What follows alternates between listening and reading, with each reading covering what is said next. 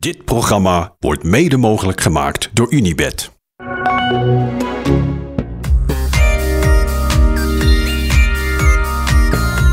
Thijs, hoeveel medelijden heb jij met Julie van der Velde? Ja, daar kan ik vanavond niet van slapen. Echt niet, hè? Nee, nee. Dat, het kon natuurlijk niet wat ze deed. 60 kilometer eentje vooruit rijden en de, wind stond tegen. En het was een beetje vals plat, omhoog, omlaag. Het was verschrikkelijk klote terrein om in je eentje vooruit te rijden. Ja.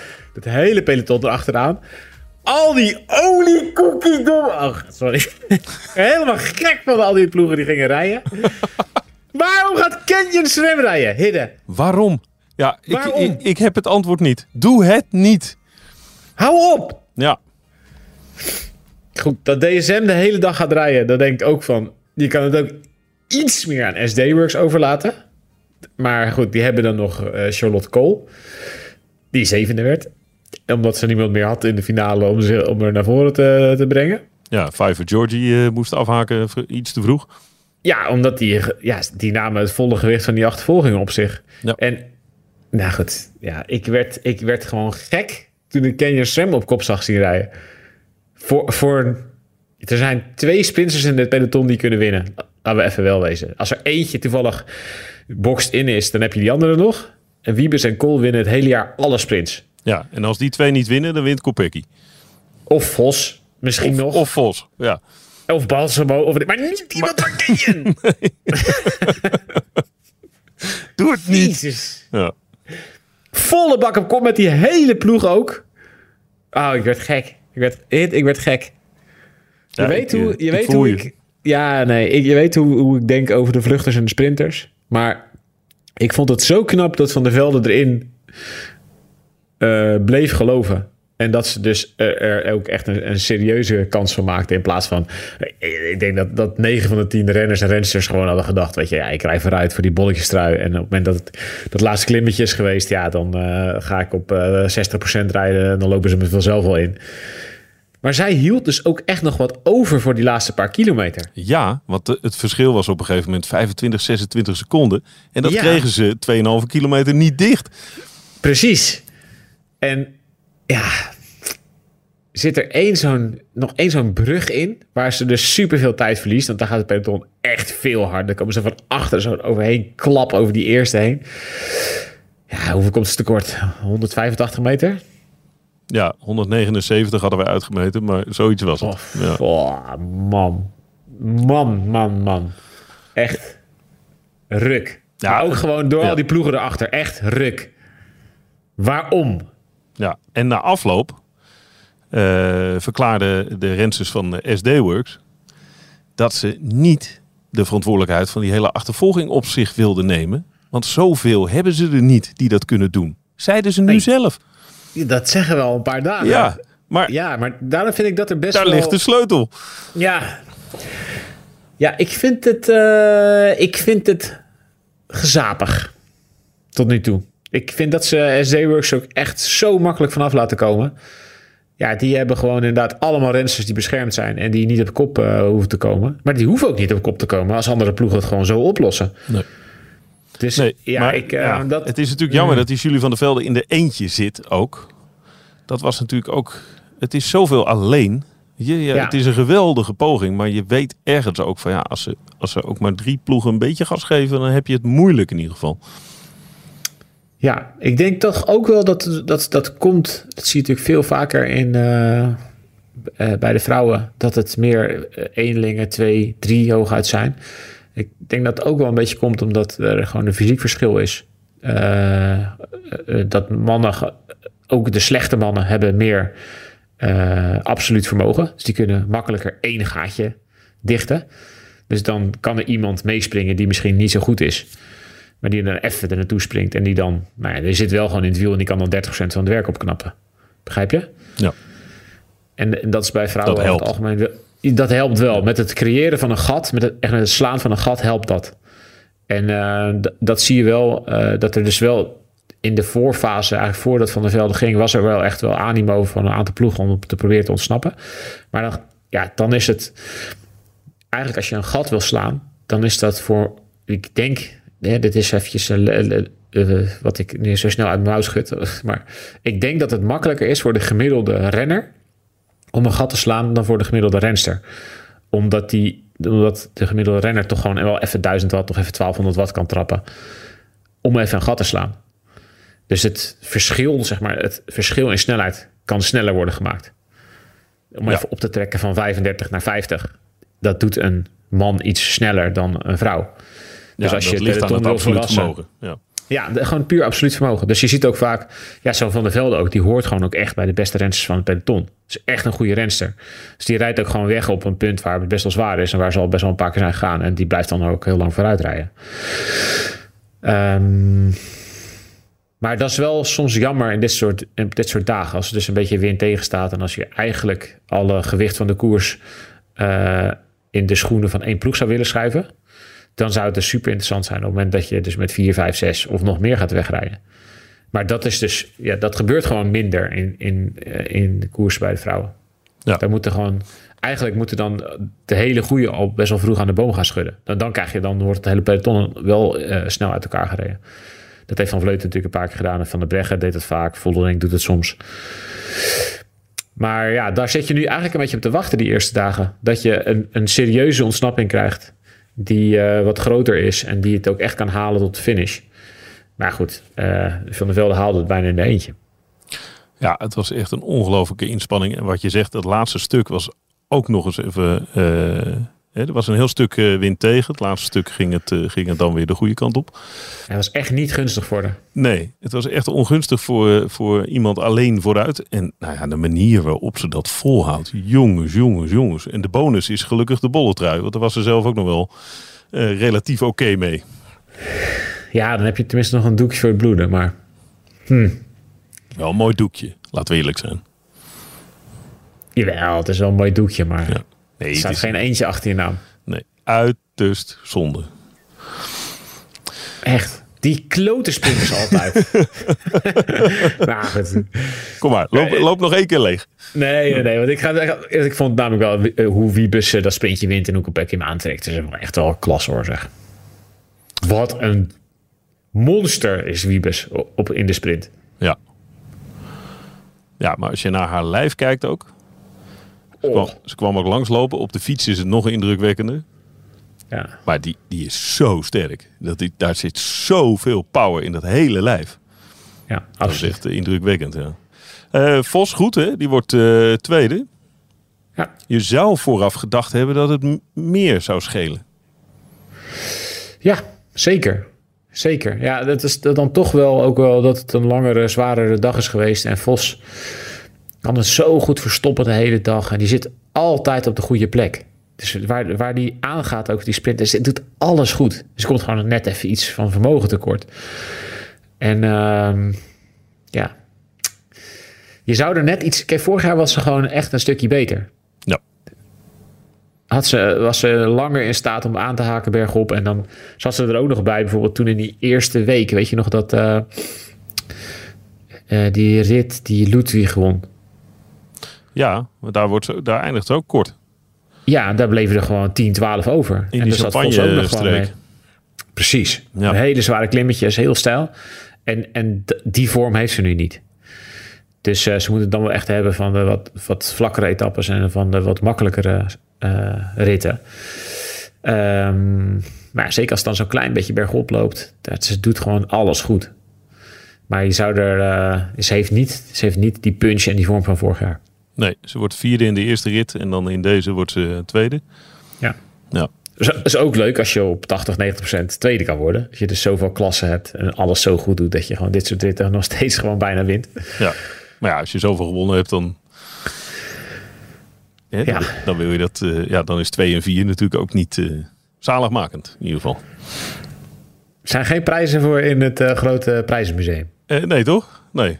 Het eh, verbouwde, De verbouwde prijzenschuur. Nee, ja, Dat, nee, is, hoeft dat geen- moet inmiddels een koeienstal zijn, zo groot. we moeten er een keer naartoe. Ja, toch? Ja. Ja. ja. Een lange podcast. Zoiets. is leuk. Vind, vind ik leuk. Vind ik leuk. Ja. Nou, moeten we maar eens vriendelijk vragen.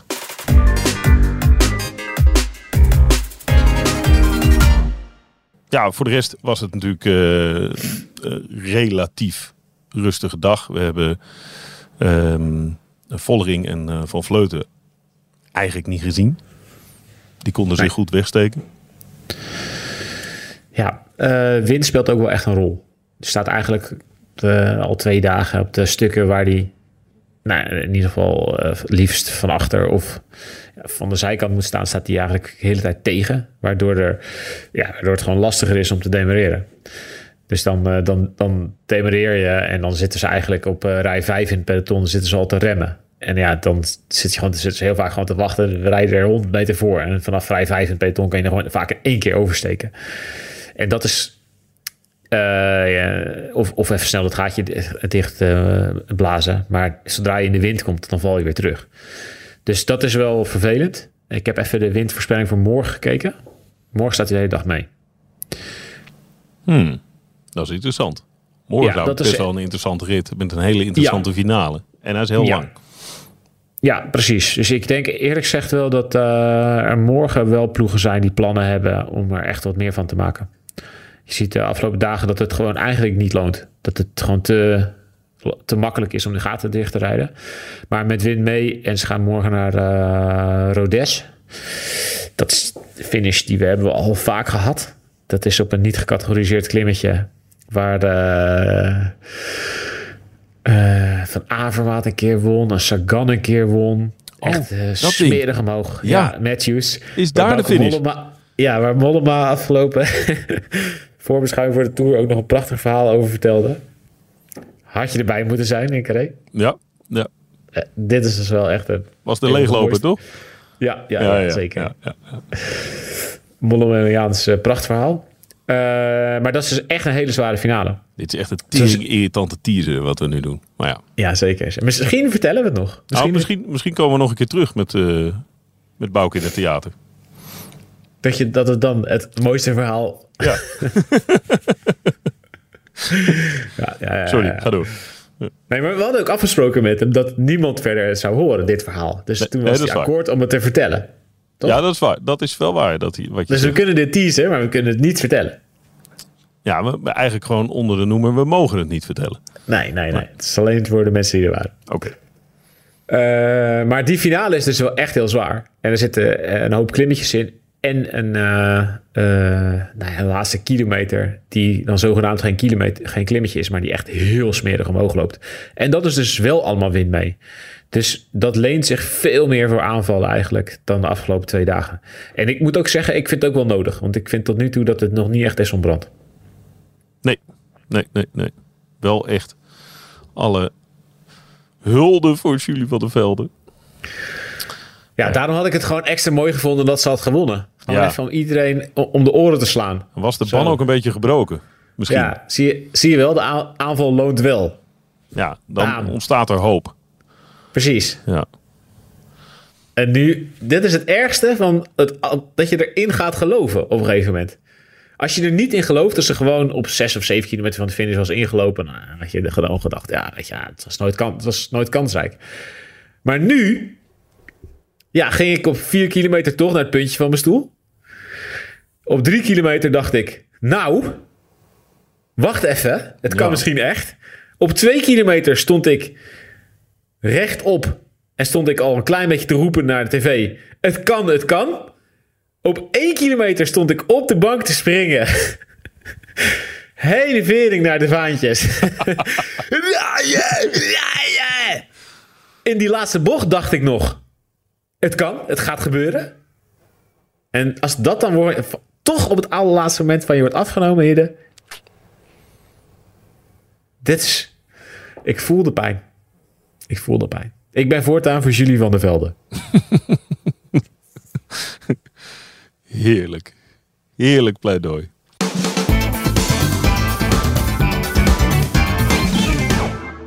Mag ik nog even naar ehm, Eva van Acht? Ja, Eh, gisteren eh, hard gevallen. Eh, het lag achter en onder eh, de vangrail. Hebben we het over gehad. In de beelden hebben we gezien. Vreselijk, vreselijk beeld. Rianne Ja. Marcus zei, ja, als je daar langs rijdt, dan ja, je schrikt. En vervolgens zit je midden in die natte afdaling. Ja, dat, dat eh, schept natuurlijk ook geen vertrouwen. Eh, ze liet van zich horen vandaag. Met, goed, met relatief goed nieuws. Want ze had een aardige positieve toon, vond ik, in de bericht. Ja, nee, zeker. Uh, ze is gewoon überhaupt in staat om berichtjes te tikken. Dat vind ik altijd wel fijn. Ja. Maar uh, het is een longkneuzing, volgens mij. Longkneuzing, hersenschudding en enkele hechtingen. Dat was het, uh, haar eigen medische rapport. Ja, nou ja, zonde. Goed gereden tot dan toe. Vind jij de hersenschudding een taboe in het profielrennen? Uh, overval je een beetje met deze kwestie. Nee, ik zit na te denken. Ja, mm, misschien de laatste jaren iets minder. Maar daarvoor werden renners en renners natuurlijk gewoon zo snel mogelijk op de fiets gezet. Is dat tegenwoordig anders? Want ik heb nog wel eens het idee dat dat nog steeds het geval is. Of zijn er, ligt, zijn er checks? Ligt een, beetje, ligt een beetje aan welke ploeg het is. Uh, maar ik denk dat er wel iets meer. Uh, aan gedaan wordt. En dat er iets meer uh, naar gekeken wordt door, uh, door doktoren binnen ploegen en door ploegleiders. Dat, dat ze wel echt beseffen, ja, als je iemand met een hersenschudding weer terug op de fiets zet of te snel weer laat trainen, dan ben je ze gewoon veel langer kwijt. Het is ook wel goed van dat, dat renners en rensters gewoon wat meer waard worden, zeg maar. Wat gewoon wat duurder worden. Want ik denk dat ploegleiders en managers ook vaak zo denken van... ja, weet je we kunnen die wel weer inzetten in een wedstrijd bijvoorbeeld. Maar als het niet gaat en dan ligt er weer drie maanden uit... dan heb je er niks aan. Ja. Maar er zijn stiekem best wel veel uh, renners en renners die er heel lang last van houden. Uh, Taco van der Hoorn bijvoorbeeld een paar keer hard op zijn hoofd gevallen. Heeft er echt veel last van gehad. Uh, Jip van der Bos bij de vrouwen uit mijn hoofd ook. Ja. Dus het is, dat, het is wel, het is wel een goede vraag eigenlijk. Is het een taboe? Ja, het is eigenlijk een soort je ziet het niet, hè? Kijk, als je je sleutelbeen breekt, ja, dan gaat er een plaatje in en dan uh, staat er een bepaalde tijd voor. En als je heel veel schaafwonden hebt, dan ziet iedereen het ook. Maar bij hersenen, ja, dan is het soms gewoon, ja, ik, ik voel me nu heel moe. En dan, ja. Kees Bol heeft ook een keer gewoon een jaar zo gemist. Ja, vanwege langlopende klachten naar aanleiding van, ja. een, van een hersenschudding. Ja. Ja, en dus ook heel veel vermoeidheidsklachten. Dat is natuurlijk altijd best wel vaag, weet je wel. Maar als je dan gaat trainen en je bent na twee uur helemaal kapot. Zo moe van alle prikkels en weet ik wat allemaal. Wat dat je alleen maar de rest van de dag kan slapen. Ja, dan ben je gewoon niet inzetbaar. Nee. Ja, en wat je zegt, je ziet het niet aan iemand. Nee. Nou, hoe is het met je? Ja, ik ben moe. Oh, nou, ja, die is weer ja. moe. Weet je, dat, ja. het is ook, het is ook lastig uitleggen. Ja, dat is het wel echt, ja. Dat maar weet jij of er protocollen zijn in sommige ploegen? Dat je, ja, nee, of bij artsen wel, in grote rondes? Gebeurt ja, die zijn er wel, ja. Die zijn er wel, ja. ja. Maar goed, ja, weet je, we hebben ook uh, in het begin van de tour, ik weet niet wie er toen viel. Dan wordt er even zo door zo'n arts, zo de, de, de, arts uit de auto die erachter rijdt, die zwaait dan even voor iemands gezicht langs. Ja. ja. Als dat het protocol is, dan heb ik er niet heel veel fiducie in. Nee, inderdaad. Dat is op, op zich wel een aardige kwestie om, uh, om hier even verder uit te zoeken. Ja. Misschien moeten we Jip van der Bos even bellen uh, morgen. Vind ik wel een goeie. Ja, vind ik een goeie. Dan ga ik vragen.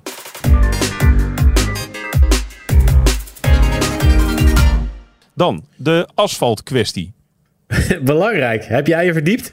Onderzoeksjournalistiek? Nou, ja, ik moet heel ik zeggen, we hadden, we hadden een gekke middag. Dus we zijn er niet helemaal aan toegekomen. Maar we kregen een bericht van een van de uh, vaste luisteraars.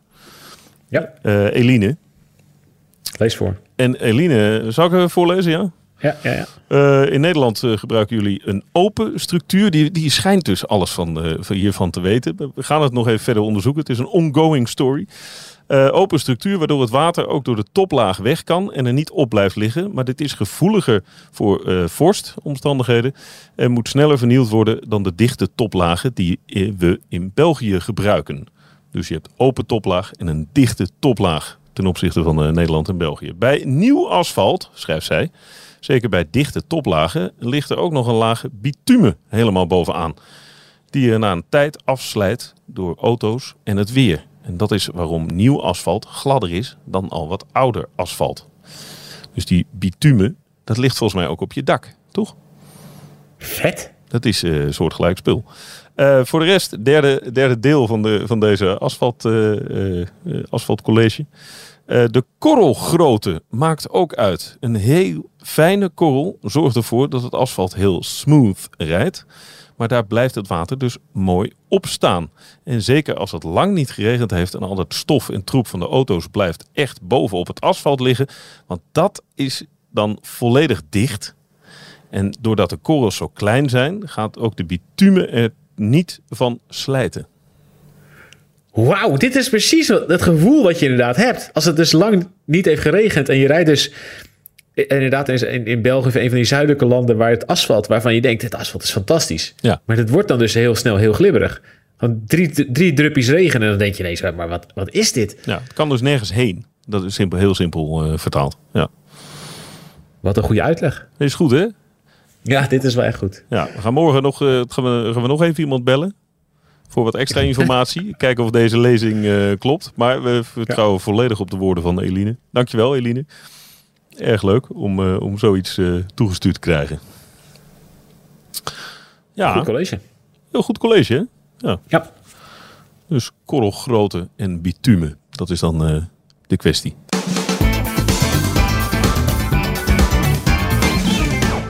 Slotwoord? Laatste nieuws van de UCI. Oké, ik begin te bibberen. Miguel Angel Lopez is tijdelijk geschorst.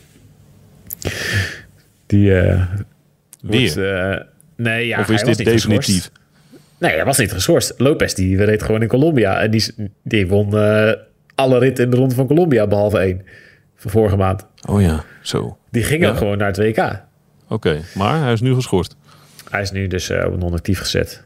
Hangen het onderzoek. Eh, hij wordt eh, beschuldigd van het hebben en gebruik van verboden middelen voor de Giro van 2020. 22. 22, oké. Ja. Dus dit is. eh, ja, we hebben er ook een keer een aantal vragen over gekregen waarom Lopez die wint daar echt alles. Die rijdt het hele Noord- en Zuid-Amerikaanse circuit gewoon aan, aan bonken. Die wint. Ik denk dat hij letterlijk al eh 30 keer gewonnen heeft dit jaar.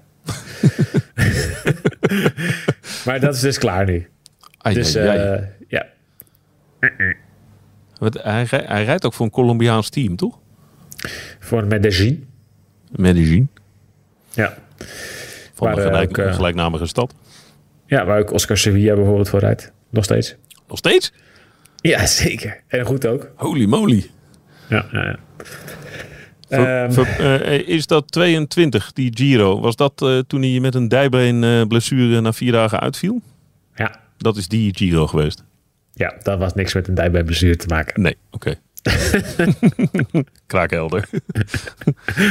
Verbaast het je? Nee, dus, eh, nee, dit was, dit was al, eh, dit was al, eh, dit, dit was al enigszins bekend. Dat hij, eh, dat zijn verzorger eh, al deze, dat, die product al had ontvangen. Dus dit was eigenlijk eh, al enigszins bekende informatie. Alleen de UCI heeft er nu ook daadwerkelijk wat mee gedaan. Wat denk ik leuk is voor alle andere renners in het Colombiaanse, Zuid-Amerikaanse en Noord-Amerikaanse circuit. Want die worden dan niet elke week om de oren geslagen door Lopez. Ja, op zich is dat wel eh, vriendelijk. Hij won zelfs massasprints daar. Oh ja. Ja. Ja, maar dat is een beetje verborgen, verborgen kwaliteit. Ja, ja, ja. De Wout van soort- Aert van eh, Colombia werd hij genoemd. Maar dat hoeft dus nu ook niet meer. Volgens mij was het echt een soort rage of zo wat hij had. Of ik, misschien dat hij wel een premiecontract had, of ik weet niet. Maar hij wilde... hij- dat sloeg helemaal nergens op. Hij, eh, geen, geen, nog geen kruimel liet hij over voor de rest. Is het ergens ook goed nieuws dat we, dat we weer eens iets horen? Zeker, vind ik eigenlijk wel. De grote Ja. periodes van stilte, die duidt altijd op... eh, ja, Ja. het- de historie wijst uit dat dat eh, gekke periodes zijn. Ja, nee, ja, eens. Ik denk dat het altijd een onderwerp moet zijn. In elke sport hoor, trouwens. Ja, niet alleen eh, in het wielrennen. Nee. In eh, elke sport moet hier moet er aandacht aan worden besteed. En moet je, er, moet je er bovenop zitten. En moet je dus ook... Ja, is het ook logisch dat je af en toe renners pakt. Ja, als er zoveel zijn, dan zijn er altijd een aantal die, eh, die gebruiken. Dat ga je natuurlijk nooit uit kunnen roeien. Dus als je niemand pakt, dan gaat er wel iets mis. Goed slotwoord. Spreek ik je morgen. Eh, ja, ik hoop morgen een beetje vuurwerk. En ik hoop op Julie van der Velde. Maakt me niet uit. Ervan. Ja. Maakt niet uit hoe. Ja. Winnen. Ja. Ik help het eh mee hopen. Spreek je morgen. Thank you. Yo. Ciao. Dit programma werd mede mogelijk gemaakt door Unibed. Luister naar Pitstop, Marijn Abbehuis en Arjan Schouten met het laatste nieuws uit de paddock.